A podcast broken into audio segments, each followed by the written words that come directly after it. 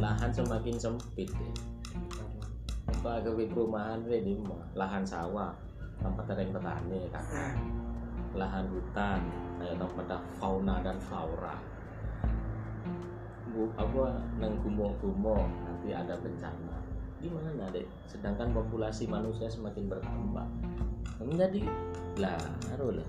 Eh, bukan kita bicara kalau bicara kompromi antara gerakan grassroots dan arah yang horizontal. Kenapa saya tetap bersikukuh bahwa gerakan yang di bawah itu dapat mempengaruhi yang di atas? Mungkin hari ini belum belum terjadi di Indonesia dan belum nampak proses itu. Tapi selain daripada itu saya juga terilhami sama Greta Thunberg. Greta Thunberg ini adalah perempuan di Swedia Amerika dia berumur Amerika. Ma Amerika, Mas Eropa Amerika di, di Amerika. Anak-anak perempuan dia berhenti sekolah, dia berumur 12 tahun memperjuangkan tentang iklim. Kampanye yang dibawa adalah climate strike. Awalnya dia berdiri di depan kedutaan besar Amerika sendirian dan orang-orang melihat ngapain anak perempuan ini, ngapain anak perempuan ini. Sehingga orang bertanya, ketika pertanyaan-pertanyaan itu muncul, ternyata hari ini berhasil mengubah kompensasi aturan yang ada di Amerika. Amerika hari ini sudah mulai membentuk aturan aturan itu supaya perubahan iklim itu terjadi. Dan saya juga optimis bahwa gerakan bawah itu dapat merubah kekuasaan. Oh Dapat iya, persoalan sistem. optimis harus. Bah, iya harus memang. Iya, namanya. Keterpecahan itu mungkin bagi kebanyakan orang kita terpisah pada garis utopis dan di- distopia. Kalau garis utopis itu adalah mencanangkan kesejahteraan, tapi kalau garis distopia dia mencanangkan tentang kerusakan-kerusakan secara terus-menerus. Tapi untungnya saya berada di garis utopis, maka saya yakin kesejahteraan itu akan terjadi. Tapi kan aku ketika mendirikan PT itu nanti deh, banyak lowongan. Terus tanah-tanah yang nggak produktif tak produktifkan. Seperti itu bisa jadi kan. Orang kalau bangun itu tidak melahirkan oksigen. Ya terus gimana tuh? Sedangkan kebutuhan komisioner itu penting.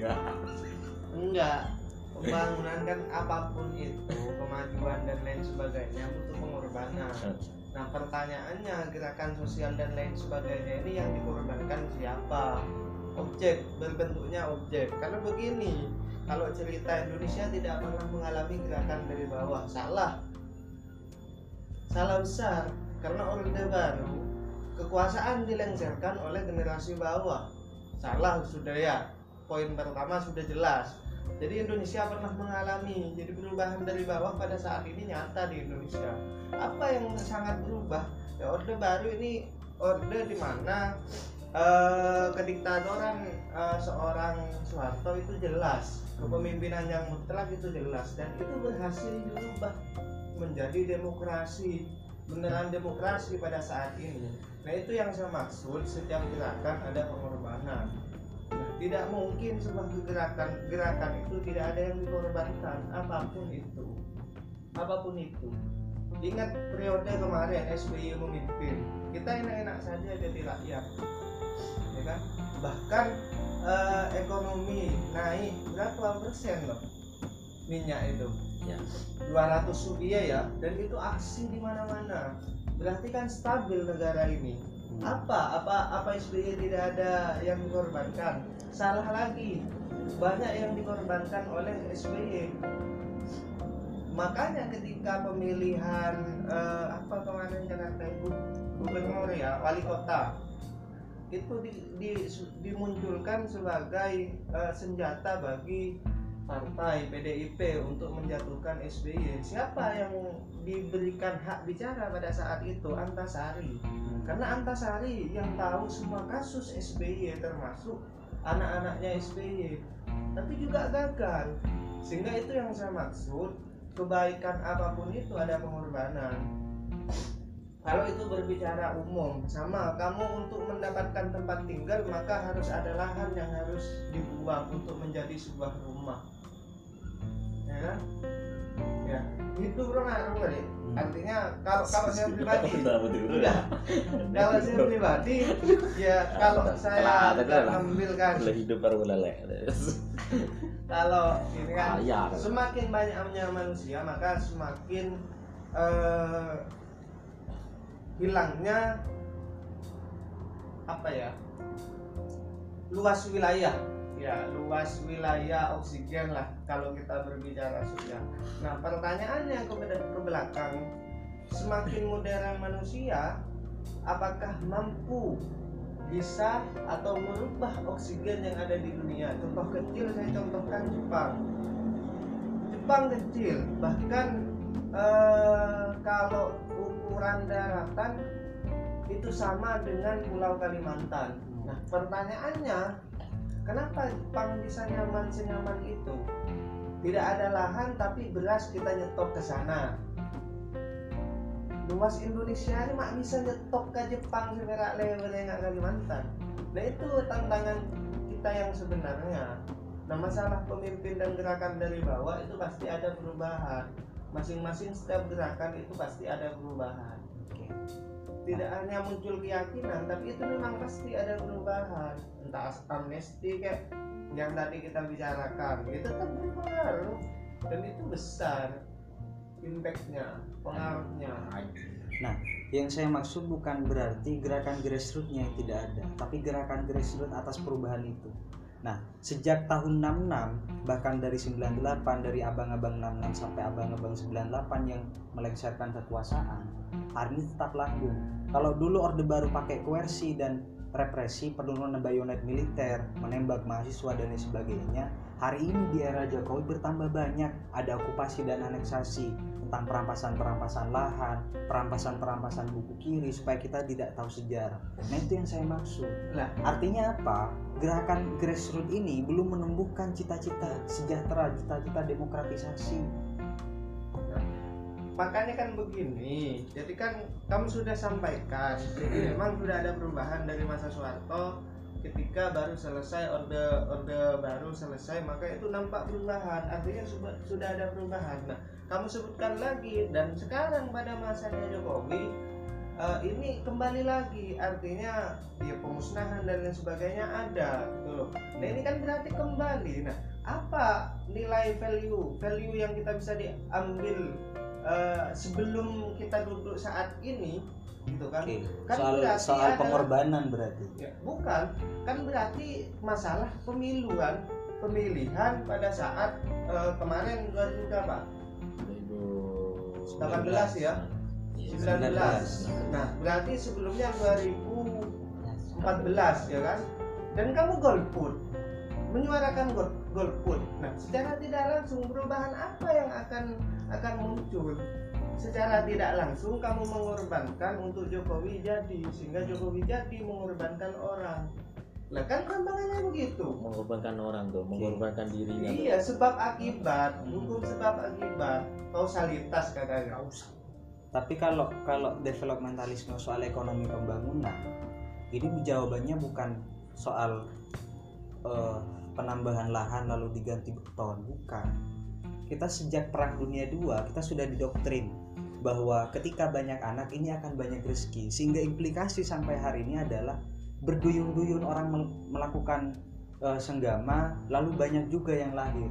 Sedangkan eh, kondisi lingkungan dan keadaan tempatnya ini semakin sempit.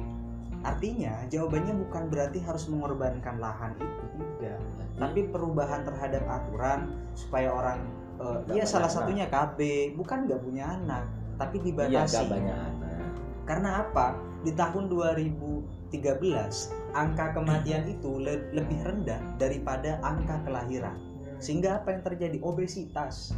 Nih, saya sa- ambil sampel Jakarta. Kenapa Jakarta hari ini dikampanyekan untuk kembali eh, bukan berpindah ke daerah Kalimantan gara-gara Jakarta dianggap telah sempit, banjir di mana-mana, lalu keadaan penduduk yang padat. Jawabannya bukan berarti harus melakukan perpindahan, tapi melakukan urbanisasi. Itu satu. Yang kedua, di Orde Baru, kenapa saya katakan tetap ada? Mungkin di, di fungsi secara aturan belum tidak ada, tapi secara gerakan sosial, realitas di lapangan ini ada. Apa? Di Papua sana yang diturunkan aparat-aparat militer, bayonet-bayonet supaya menembak-menembak karena yang saya lihat dan saya yang yang saya dengar kondisi di Papua memang sering terjadi pertentangan antara suku ini suku ini dan suku ini tapi jawabannya bukan menurunkan militer yang dibutuhkan orang Papua kalau katanya Abdur mereka butuh dialog dengan presiden supaya presiden turun biar tahu kondisi. Bukan malah berarti pohon-pohon sagu itu ditumbangkan lalu diganti diganti padi karena mereka makanannya bukan bukan padi tapi sagu nah proses-proses itu supaya tidak salah salah menempatkan kayak misal yang katanya tadi soal pembangunan lalu kondisi kondisi orde baru yang yang tetap. Ini kan era Jokowi Orba Orba 4.0 sebenarnya.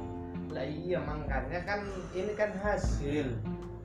Nah kan seandainya bukan Jokowi memimpin belum tentu seperti ini toh. Hmm. nah iya kan sebab akibatnya kan. Nah ke sebelum kepada masalah sebabnya dulu kita bahas. Hmm.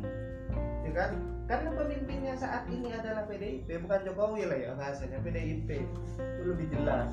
Karena kalau berbicara Jokowi semua ide Jokowi tidak hanya ide Jokowi gitu kan? Ya. pemimpin pada saat ini adalah rezim saat ini tidak hanya Jokowi. Hmm. nah pertanyaan pertanyaan itu banyak sehingga memunculkan masalah-masalah. Saya yakin kan kalau berbicara tadi karena eh, jelas kalau aturan-aturan kita hidup itu jelas harus dipakai. Makanya saya contohkan Jepang.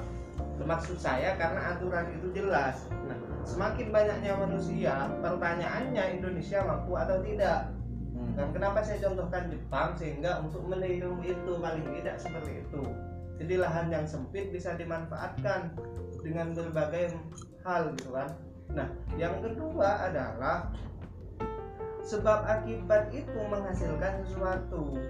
Nah, menghasilkan sesuatu entah ekonomi entah peradaban dan lain sebagainya. Karena memang ya kembali lagi kenyamanan itu butuh pengorbanan. Hmm, berbicara Papua nih makanya oh ini malah ketambah. Aku pengen mendirikan iya. PT di Papua kerjasama tender sama kementerian malah untuk buat anu apa tol tol Trans Papua. Nah gini deh uh, berbicara Papua. Ketika Papua itu tidak pernah dibangun nah, frame apa yang dibangun oleh Papua terhadap internasional dia nak tirikan. Mereka ingin ber, apa, mendirikan negara sendiri. Bagaimana sejarah Indonesia mempertahankan Papua Barat pada saat itu? Yeah. itu yang mau diambil dicaplok oleh Inggris oleh Amerika dan sebagainya. Bahkan Portugis pernah tapi balik. Nah, nah yang poin kedua nah ketika saya mendirikan PT di sana tender sama kementerian BUMN maka ketika dana itu turun 30 m maka dana CSR pun juga banyak. Banyak orang yang aku nafkahi di situ seperti itu. Banyak orang yang aku sejahterakan. Itu kan semisal 30 M maka 1 M atau 2 M itu akan dana sosial yang aku gerakkan bisa jadi gerakanmu juga tak kasih gitu loh kan enak semisal kecipratan 500 juta atau 1 M buat kamu hmm. jelas itu ketika trust itu sudah dibuat maka BBM semakin murah, akses orang Papua semakin nyaman, gitu kan. Memang harus ada yang dikorbankan apa? Hutan. Modernisasi akan semakin di sana katanya sekolah minim minim minim pengetahuan sebagainya. Ketika trans itu dibangun, apa yang terjadi? Kita akses nyaman masuk para aktivis untuk mengedukasi orang-orang sana semakin nyaman. Kenapa aktivis-aktivis pendidikan tidak pernah masuk ke Papua hanya sedikit? tenaganya karena akses mahal juga gitu kan